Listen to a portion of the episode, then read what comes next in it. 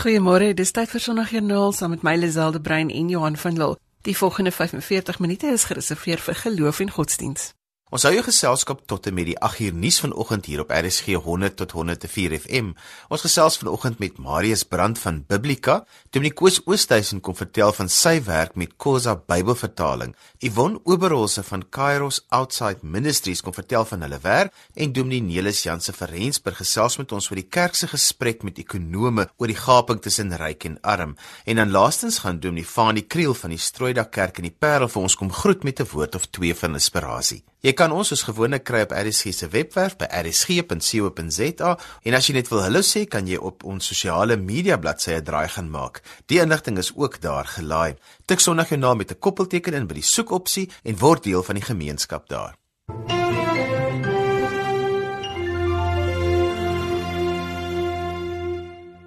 Dominee Marius Brandt is predikant van die Presbyteriaanse Kerk, maar hy is ook direkteur van Biblika Suidelike Afrika. Goeiemôre Marius. Môre, môre Lisel. Marius, nuut aangestel by Biblika. Vertel ons van jouself. Dis reg ja, ja. Ek is nou net bietjie minder as 'n jaar by Biblika. Uh voorheen was ek by St Luke's Hospice in die suidelike voorstede, was die geestelike sorgdirekteur daar vir 'n paar jaar. Voor dit by Cornerstone Institute, ek lank daar klas gegee En eintlik my veld was nog altyd pastorale sorg en pastorale berading en um, ek is nou vir die eerste keer eintlik in 'n Bybel Media Bybel vertaling organisasie, maar daar is 'n interessante verhaal dat dit eintlik diep in my bloed lê, want my uh, oupa grootjie en ouma grootjie, dit was nou AA Lou van die Parel en Sini Malan, Dr. Deef Malan se suster. Hulle het getrou en hulle was die eerste sendlinge in in Zimbabwe wat toe Rhodesia was en hulle het die die eerste Bybelvertaling in Shona gedoen. Ehm um, so eintlik is is Bybelvertaling en in uitreike en sending diep in my bloed. 'n Sirkel wat voltooi word. Kom ons gesels net eers oor Biblika. Wat ja. doen Biblika? So Biblika um, was voorheen die internasionale Bybelgenootskap en nog voor dit was die New York uh, Bybelgenootskap. So die organisasie is meer as 200 jaar oud en het vir meer as 100 jaar Bybelverspreiding gedoen in New York. Maar toe hulle in die 60er jare betrokke geraak het by die vertaling van die New International Version, die NIV, het hulle toe 'n internasionale organisasie geword. En wat ons doen uh, is Bybelvertaling. Ehm um, die NIV Engelse vertaling is ons grootste en bekendste vertaling, maar ons doen ook vertaling in baie ander tale. Ons het omtrent ehm um, 60 verskillende vertalings in tale van oral oor die wêreld en ons doen die publikasie verspreiding van Bybels en ons is ook betrokke by by verskillende programme en uitreike om mense te help om om hoe om die Bybel te lees. Het Biblika 'n spesifieke vertalingsfilosofie? Ja, ons het. Ehm um, kyk, daar is baie verskillende maniere wat mens die Bybel kan vertaal. Jy het jou meer letterlike vertalings, uh, met ander woorde woord vir woord vertalings soos die die ou 53 Afrikaanse vertaling byvoorbeeld. Um, was meer letterlik. En dan het jy jou baie vrye vertalings wat ehm um, wat nie so nou aan die oorspronklike taal hou nie, maar in kontemporêre taal probeer uh, verduidelik wat daar staan. Ehm um, so as mens dink aan aan 'n Bybel in Engels soos the message, is 'n baie vrye vertaling. Nou ehm um, Biblika is reg in die middel ons probeer vashou aan die oorspronklike tale, maar dan ook dit vertaal in in taal wat mense vandag praat en verstaan. So ek sou sê ons probeer die goue middeweg handhaaf. Ons gesels deesdae heelwat baie oor sosiale geregtigheid. Ek sien daar's 'n Bybel wat gaan oor God's justice. Hoekom sou jy 'n Bybel vertaal met dit in gedagte?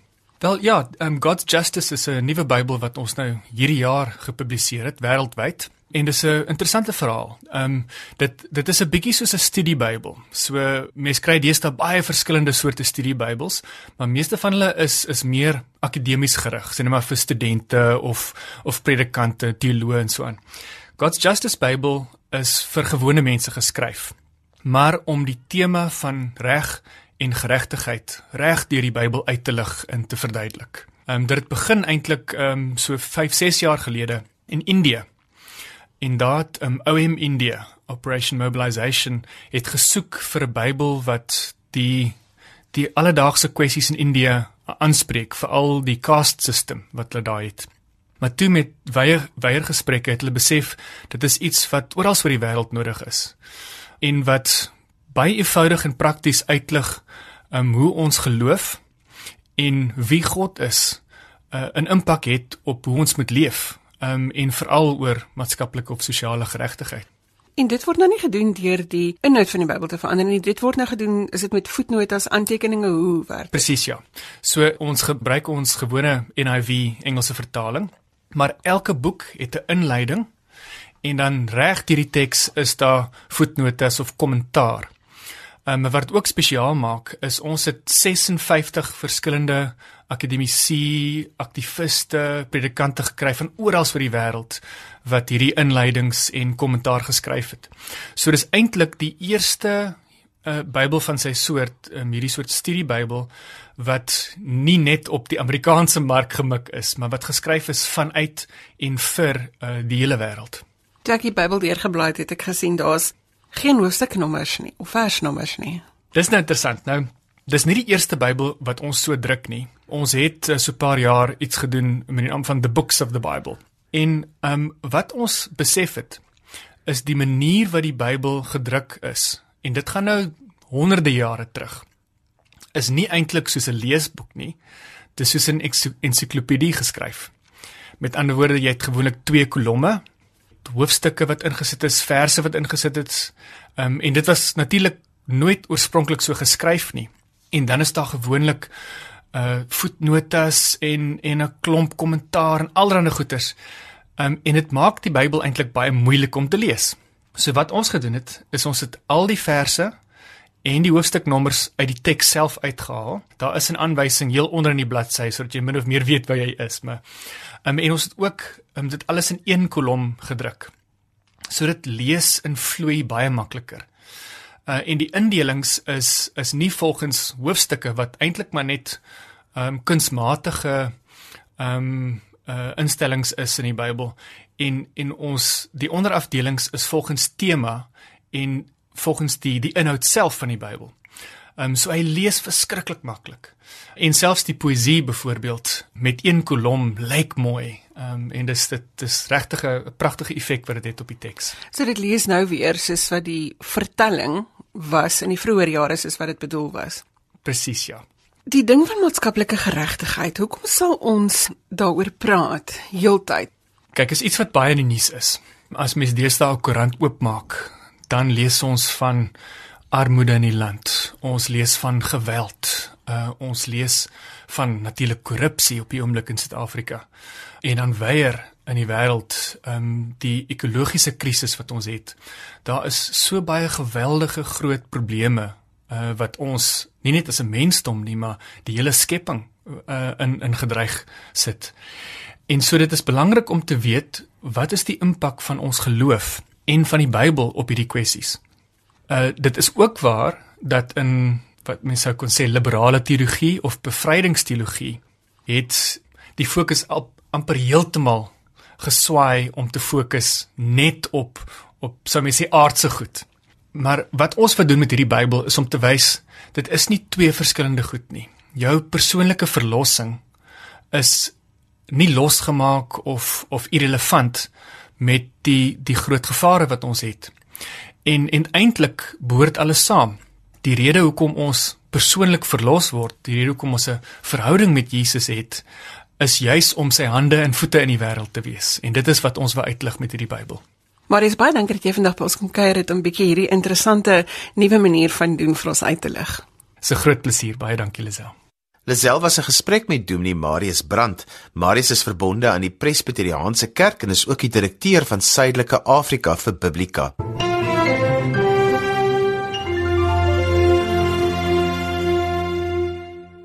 Dominikus Oosthuizen is bekend vir al die baie hoede wat hy dra. Hy was onder andere die projekkoördineerder van die 1996 Kosa Bybelvertaling en hy was ook die eerste moderator van die Verenigde Gereformeerde Kerk in Kaapland. Maar hy is self hier om vir ons te vertel vanoggend oor sy geloofspad en werk. Goeiemôre oom Koos. Goeiemôre. Ek sê maar oom, want inderdaad, jy is al 82 jaar oud met 'n lang loopbaan van werk in baie areas van die kerk. Vertel vir ons. Kyk, sommige mense is sterk genoeg om net een man deur die Here geroep te word, maar in om my pa in my geval het die Here gedink nee, hy moet maar twee van ons stuur. So die ding het eintlik begin by my pa wat groot geword het op 'n plaas op die walle van die Keierivier. My oupa was van swak gesondheid, so my pa moes nastander 6 moes hy die skool verlaat en die plaas oorneem en die voorman Jim Jekile het vir hom baie gehelp, hulle het saam die uh, produkte uh, gaan verkoop in Queenstown op die mark en so meer met die wa gery so intoe. Maar eendag kom Jim se vrou en sy sê hy's besig om dood te gaan en hy sê ek gaan roep vir Koot want as ons onder die wa slaap dan bid hy voor hy slaap. Maar ek weet nie om te bid nie. Ek gaan nou dood en dis donker voor my. Nou my pa sê dit was vir hom 'n vreeslike ding. Hoe kon hy met die man wat vir hom so baie beteken het en bygestaan het in die boerdery. Hoe kon hy nooit met hom gepraat het nie? Maar toe die Here vir hom gesê, "Koot, luister, los jy vir Jim in my hande. Hy's myne en nie joune nie. Maar niemand moet ooit weer vir jou sê ek het dit nodig gehad om gehelp te word en jy het my nie die weg gewys nie." En hy het toe nou eers in in in wit gemeentes gewerk, maar toe hulle begin werk het onder die Kosa sprekende dis die NG Kerk, dit gedoen het was hy die uh een van die baanbrekers van die werk in in die Transkei en dit is waar ek gebore is. En dit is hoekom jy ook vlot Kosa praat. Ja, nee, kyk Kosa is in 'n sekere sin my tweede moedertaal. Ons het in die huis nou Afrikaans gepraat maar uh, buite het ons uh, ek ek moet almal het almal kosse gepraat en kosse geskree van heuwel tot heuwel en kosse gesing. So uh, dit was vir my maklik ek het ook my eerste paar skooljare in Kossa Medium skool gegaan. Ek het maar bietjie gesukkel met die Engels want dit was die snaakse taal wat my pa gepraat het met die handelaar. Toe ek nou in die in die hoërskool kom moes ek weer na Engels medium skool toe oorskakel na die uh, laerskool in Umtata wat uh, hoër laerskool wat ek in Afrikaans kon leer. So toe die Engels uh, se handelaars seuns my weer geleer om Engels te praat. So ek is gelukkig tuis oral in Kaapland. Uit die aard van die saak vra enige vertaling dat dit in die kultuur moet aangepas ja. word. Ja. Uh Kosas is in die bevoordeelde posisie dat ons die vierde vertaling in Afrika gehad. Die dag vroeg is daar in Kopties in Egipte en in Amharisch in in Ethiopië vertaal.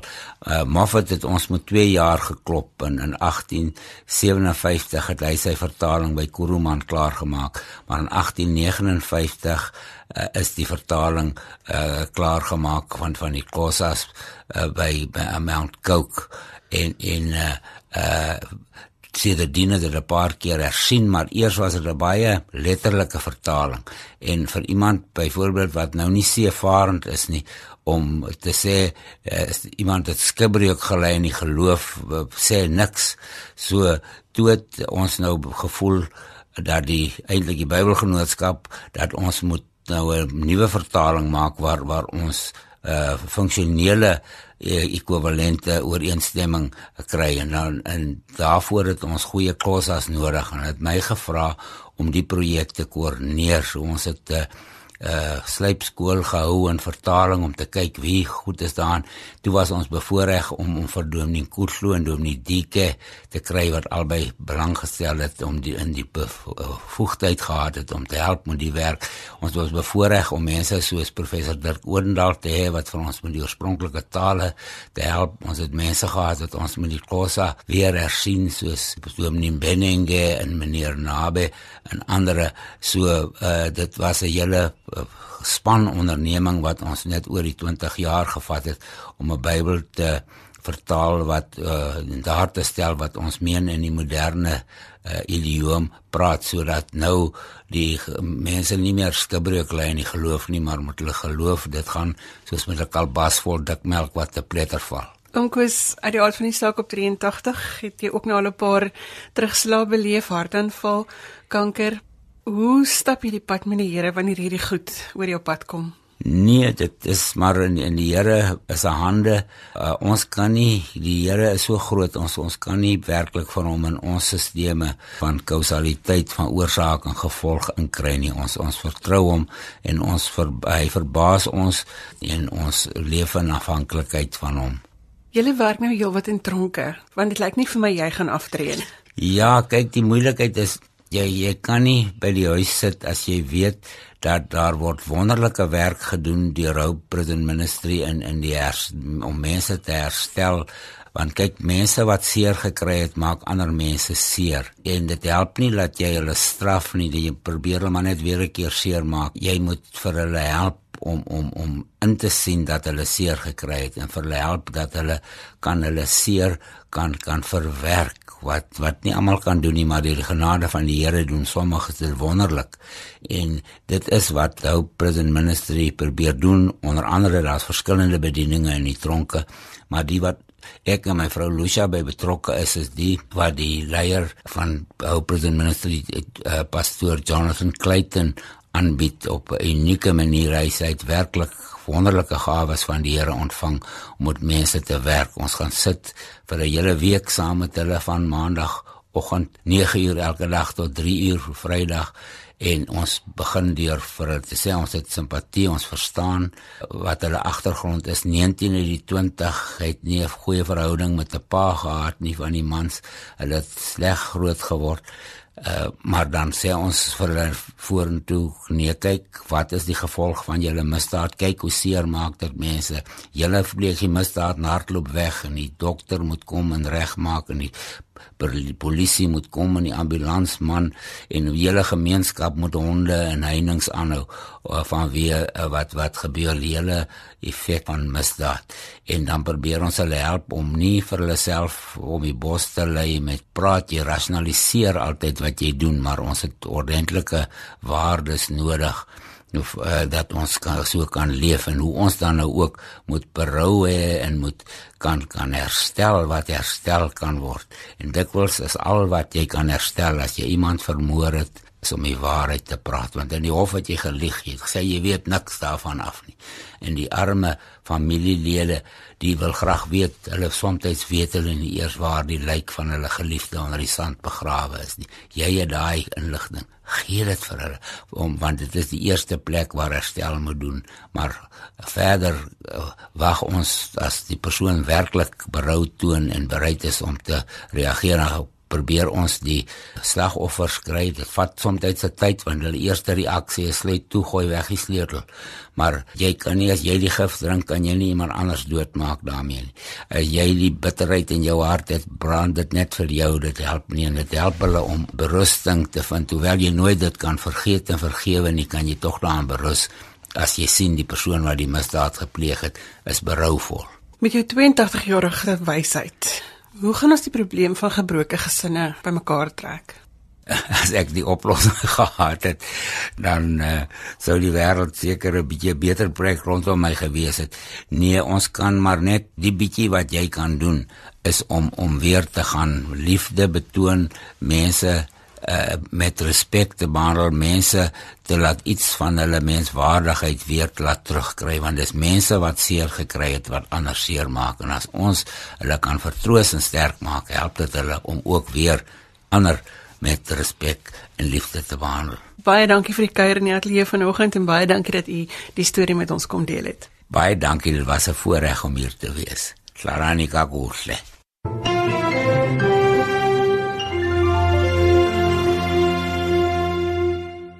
Dis Sondagoggend, die rustig strek vir ons uit en jy's ingeskakel op Sondagjoernaal waar ons godsdiens en geloof gesels.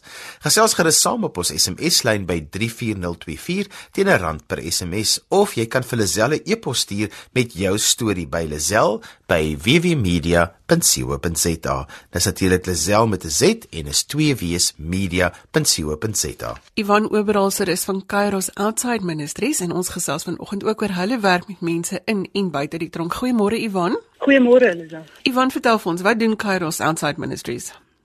Kairos Outside is 'n uh, bediening wat ons spesifiek het met vrouens wat geïmpakteer word deur gevangenes. In Suid-Afrika sê ons dit is die korrektiewe dienste, so gevangenes as ek praat van korrektiewe dienste is dit gevangenes. Dit is spesifiek iemand wat ons op hierdie stadium doen ons dit net met vroulike lede vrouens wat 20 jaar en ouer is. Dit is iemand wat geïmpakteer word deur korrektiewe dienste in die sin dat hulle 'n familielid het wat in die tronk is en ehm um, as hulle nie ons Kairos naweek kon gedoen het nie en hulle was in die gevangenis self, dan kan hulle ook op so naweek kom. Ons deel Christus se liefde met hulle en ons vat hulle op 'n naweek waar ons 'n program met hulle volg want ons teikengroep is nie spesifiek Christene nie, maar ons onderskryf die Christen geloof. So dis enige iemand wat geïmpakteer word deur die korrektiewe dienste, iemand wat nou in die gevangenis is en hulle vriende en familie wat dan ook in die gevangenis is. Wat sal julle dan nou tydens so 'n naweek vir hulle leer? Ons leer vir hulle die uh, transformerende liefde van Christus. Jy weet, ehm um, vrouens wat uh, buite die wat in die gemeenskap is wat dan nou spesifiek uh, iemand 'n familielid of 'n vriend in die gevangenis het is baie geïsoleerd. Hulle doen tyd saam met die persoon, jy kan dit seker verstaan. Nou ons vat hulle en ons vat hulle deur 'n program waar hulle sal spesifiek isolasie sal hanteer, woede, magteloosheid, waardeloosheid, kaamte, skuldgevoelens ons leer hulle Christus se liefde en sy uh, vergifnis. Hierdie vroue, joh, is ons ma's en ons susters en ons vriendinne. Hulle raak deel van ons familie wat ons dan nou 'n geestelike familie noem. Baie van hierdie mense, soos wat ek nou met hulle gesels het, kan die mense hoor dat hulle nie eintlik 'n gesinsstruktuur gehad het terwyl hulle groot geword het nie. Met ander woorde, hulle weet nie noodwendig altyd wat dit beteken om mekaar lief te hê in die regte sin van die woord. Hoe stel jy voor waar begin hulle om hierdie liefde van Christus te verstaan? Ons as groep as spanlede word spesifiek opgelei vir die tyd waarin ons dan in so 'n naweek deur ons verhoudings en deur hoe ons ons teleurstellings in die lewe hanteer het wat ons dan nou op uh, wat ons in praatjies vir hulle wys weet um, ons maak ook foute ons word ook teleurgestel en dan gee ons vir hulle net ons getuienis hoe die Christen geloof en hoe ons as 'n geestelike familie ondersteun word om dan nou spesifiek hulle behoeftes aan te spreek as ek net kan noem dat van ons spanlede kom spesifiek uit so 'n omgewing uit waar hulle ook miskien in die gevangenis was of waar hulle reeds waar hulle familielid het wat deur dit gaan. So ons ondersteuningsbasis en dit wat ons vir hulle in praatjies ons spreek nooit vir hulle nie. Ons spreek nie vir hulle nie ons gee vir hulle net hoe ons omstandighede en hoe ons ons teleurstellings ensovoorts hanteer um deel ons met hulle en ons gee hulle ook geleentheid om dan nou weer onder mekaar dit spesifiek te bespreek sodat hulle mekaar kan ondersteun daarin ook. Ivan, hoe sien mense weet van Kairos Outside Ministries? Daar's verskeie maniere, spesifieke gebiede is ons. Ons sal byvoorbeeld spesifiek in 'n korrektiewe diens sal ons ingaan en deur ons Kairos Inside program wat hulle 'n program aanbied spesifiek vir die wat in die gevangenis is. Ons sal dan spesifiek dan daarso uh, 'n praatjie lewer of dan nou deur spanlede sal ons vertel van die spesifieke bediening waar by hulle dan nou 'n geskenk kan gee vir 'n familielid, 'n vroulike familielid en dan so 'n persoon uitnooi. Maar ons is glad nie beperk by spesifiek by die gevangenes om dit te doen nie. Ons kan ons spanlede het almal ook vriende of bedienings waar hulle spesifiek kan uitreik en van die vrouens nader om deel van so 'n naweek te wees. Maar jy sien nou 'n interessante ding, daar's ook 'n Kairos Insight Ministries. Met ander woorde, julle vat hande met die gemeenskap en werk saam. Definitief. Ons spanlede is spesifiek daar ons doel is om die transformerende liefde van Christus te deel met die gevangenes. So die hele bediening begin by die inside. Ons doel is dan spesifiek om in gevangenes 'n verskil te maak. Ons proses is ons laat hulle in klein groepe betrokke raak waar hulle dan nou um, met mekaar uitdagings in dit deel spesifiek om 'n geestelike familie te vorm en dan um, dit bly nie net by 'n naweek nie. Ons sal byvoorbeeld maandeliks weer teruggaan om seker te maak dat hulle klein groepe wat hulle gevorm het aangaan en hulle te ondersteun. Wat baie interessant is, is by so ons noem dit 'n reunion. By so 'n reunion sal hulle weer geleentheid kry om ons te bedien met die woord. So soos jy kan agterkom, dit is regtig, dit is 'n langtermyn impak wat ons op die gevangenes spesifiek het. Ivan, is daar 'n e-posadres as mense meer inligting wil hê wat hulle kan kontak? Ja, dit is www.kairosministry.org.za of anders kan hulle net Google Kairos SA en dan sal al die inligting daar beskikbaar wees. Ek het gesels met Ivan Oberholzer van Kairos Ministries. Die webwerfadres is www.kairosministry.org.za waar jy meer inligting kan kry. Ivan, dankie vir die saamgesels vanoggend. Baie dankie vir die geleentheid. Ons waardeer dit. Verlede week het iemand ge-SMS om te sê nie almal het toegang tot e-pos en moderne tegnologie nie. So as jy vir ons 'n briefie in die pos wil gooi, kan jy dit stuur na posbus 4070 Durbanville en die poskode is 7550. Dis posbus 4070 Durbanville en die poskode is 7550. Jy luister na Sonnige Joernaal net hier op RSG 100 tot 104 FM en wêreldwyd by rsg.co.za. Jy kan ook inskakel op die DStv se audiokanaal 813 en dan kan jy ook daarna ons luister. Dominee Jansen van Rensburg is die moderator van die Algemene Sinode van die NG Kerk en ons gesels vanoggend oor die saak van armoede. Môre Nelis. Môre Lisel.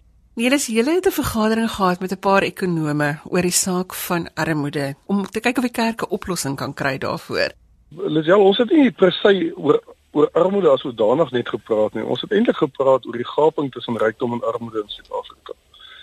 En ons het probeer om um, met die ekonome uh, se hulp te verstaan wat is die groter dinamika in ons samelewing wat daartoe bydra dat daar 'n geweldige ehm um, hoeveelheid arme mense in Suid-Afrika is. Ehm uh, mense wat swaar kry, mense wat nie toegang het tot tot dienste nie noodwendig nie en en ehm um, wat wat uh, nie kan uh, tot hulle reg kom nie. So ons het probeer vasstel wat is daar struktureel in die ekonomie ehm um, wat dit vir kerke vir die organisasies in die land wat uh, met arme mense werk dit dit moeiliker maak. So dit was 'n baie tastende gesprek tussen die ekonome om te probeer bepaal uh, wat is die uh, belangrikste kritiese belangrike faktore in ons ekonomie wat hierdie gevolge het. Was daar van hierdie faktore wat oorvleuel het, kan die probleem geïdentifiseer word, Nelis? Ja, verseker. In ons ekonomie is daar strukturele probleme en uh, ons ekonome moet dit aanspreek.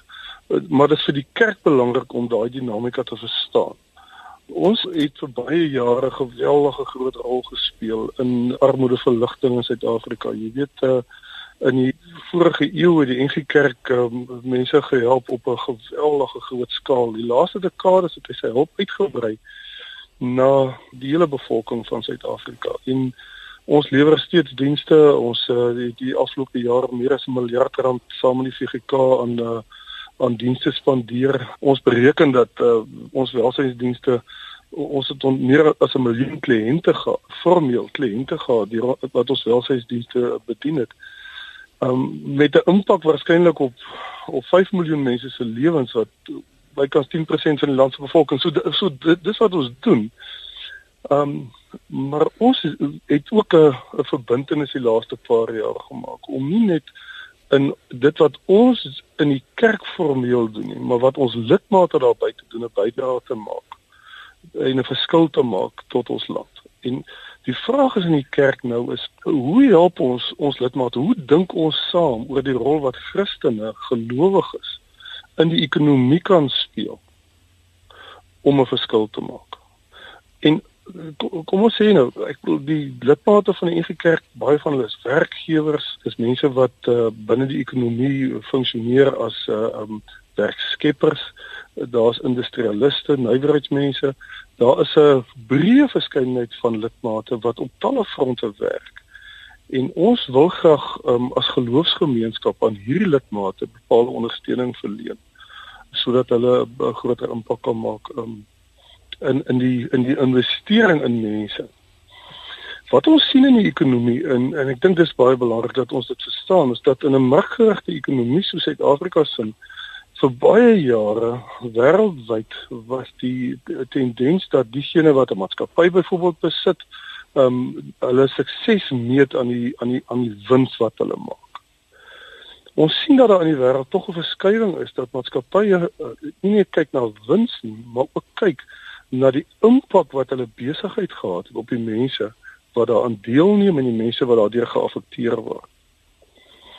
So daar's 'n nuwe waarde wat hier te sprake kom wat meer is as net wins. Nou die debat en ek um, en ek dink die ekonome het dit ook vir ons baie mooi gesê wat net gaan oor sosialisme teenoor kapitalisme. Ek dink daai debat is verby. Ons almal verstaan dat 'n suiwer sosialisme en 'n suiwer kapitalisme nie een kan werk nie. Nie in 'n in 'n wêreld waarin daar soveel armoede is. So ons verstaan dat daar ook nuwe waardes ingedra moet word in die sakewêreld en in die in die nywerheidswêreld en die besigheidswêreld.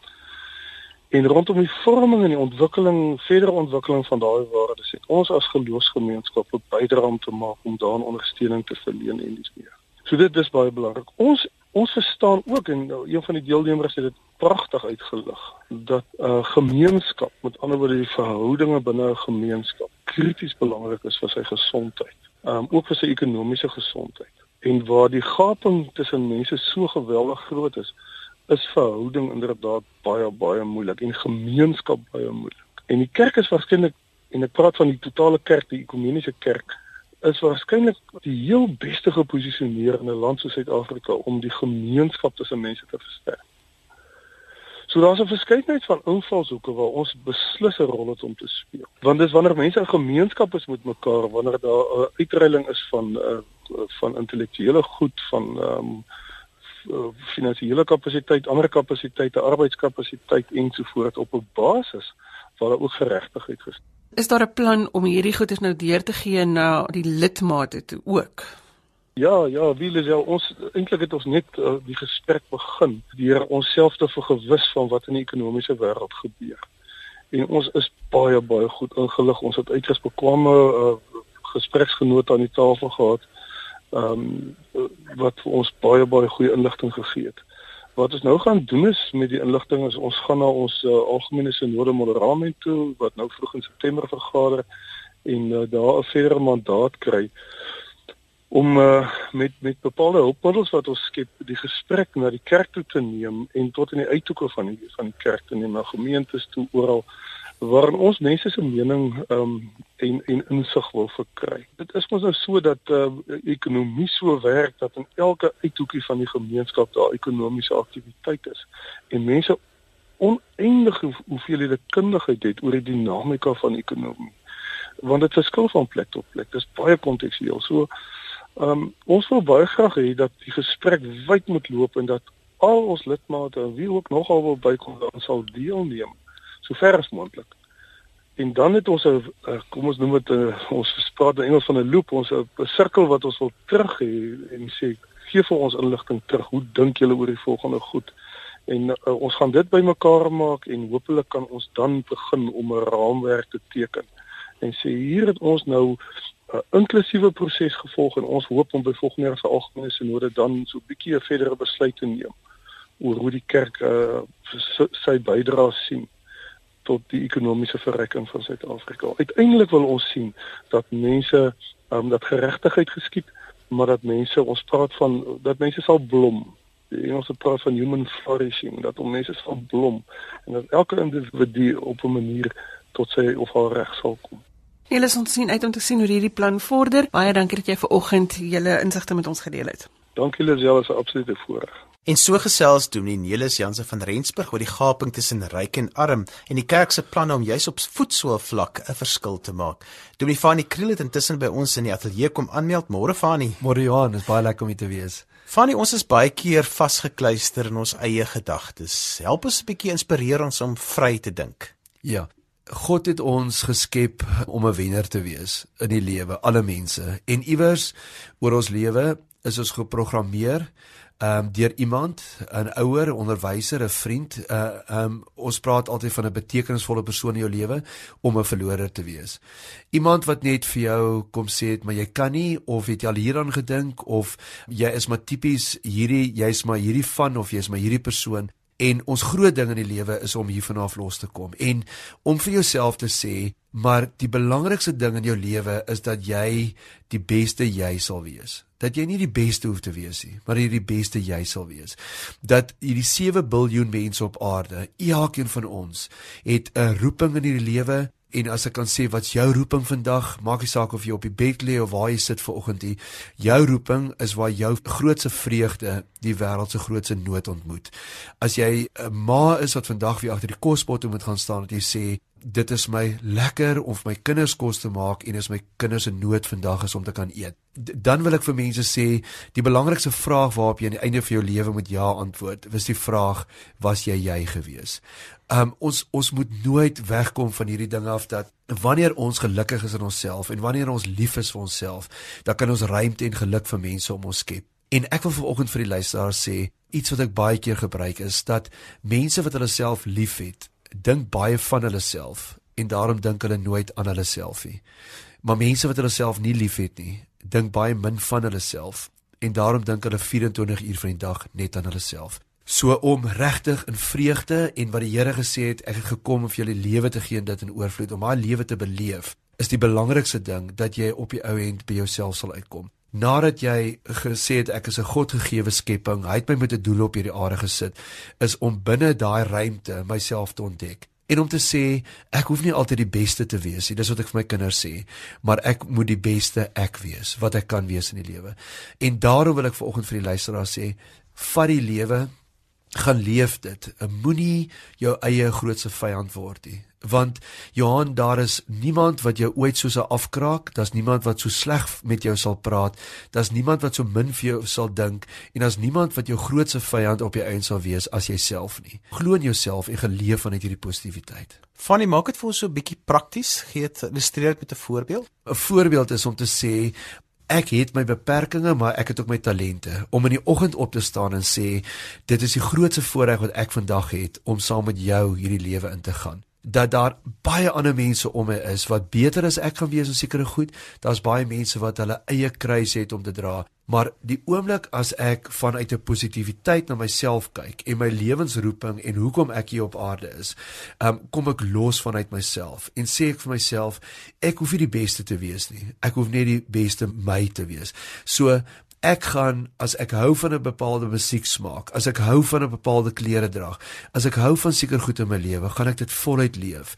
Ek gaan nie iemand anders se lewe vir hulle leef nie. Ek gaan my eie lewe leef. En die oomblik as ons daai swaai in ons kop gemaak het, begin ons aan onsself gelukkig wees en kan ons ook hierdie geluk uitdra na mense rondom ons. Dankie Fani vir jou inspirasie vanoggend. Ons moet groet. Volgende Sondag is ons weer hier op dieselfde tyd met nuwe stories uit die wêreld van geloof en godsdiens. Stuur gerus vir Lazelle e-pos as jy jou storie met ons wil deel by lazelle@vvmedia.co.za.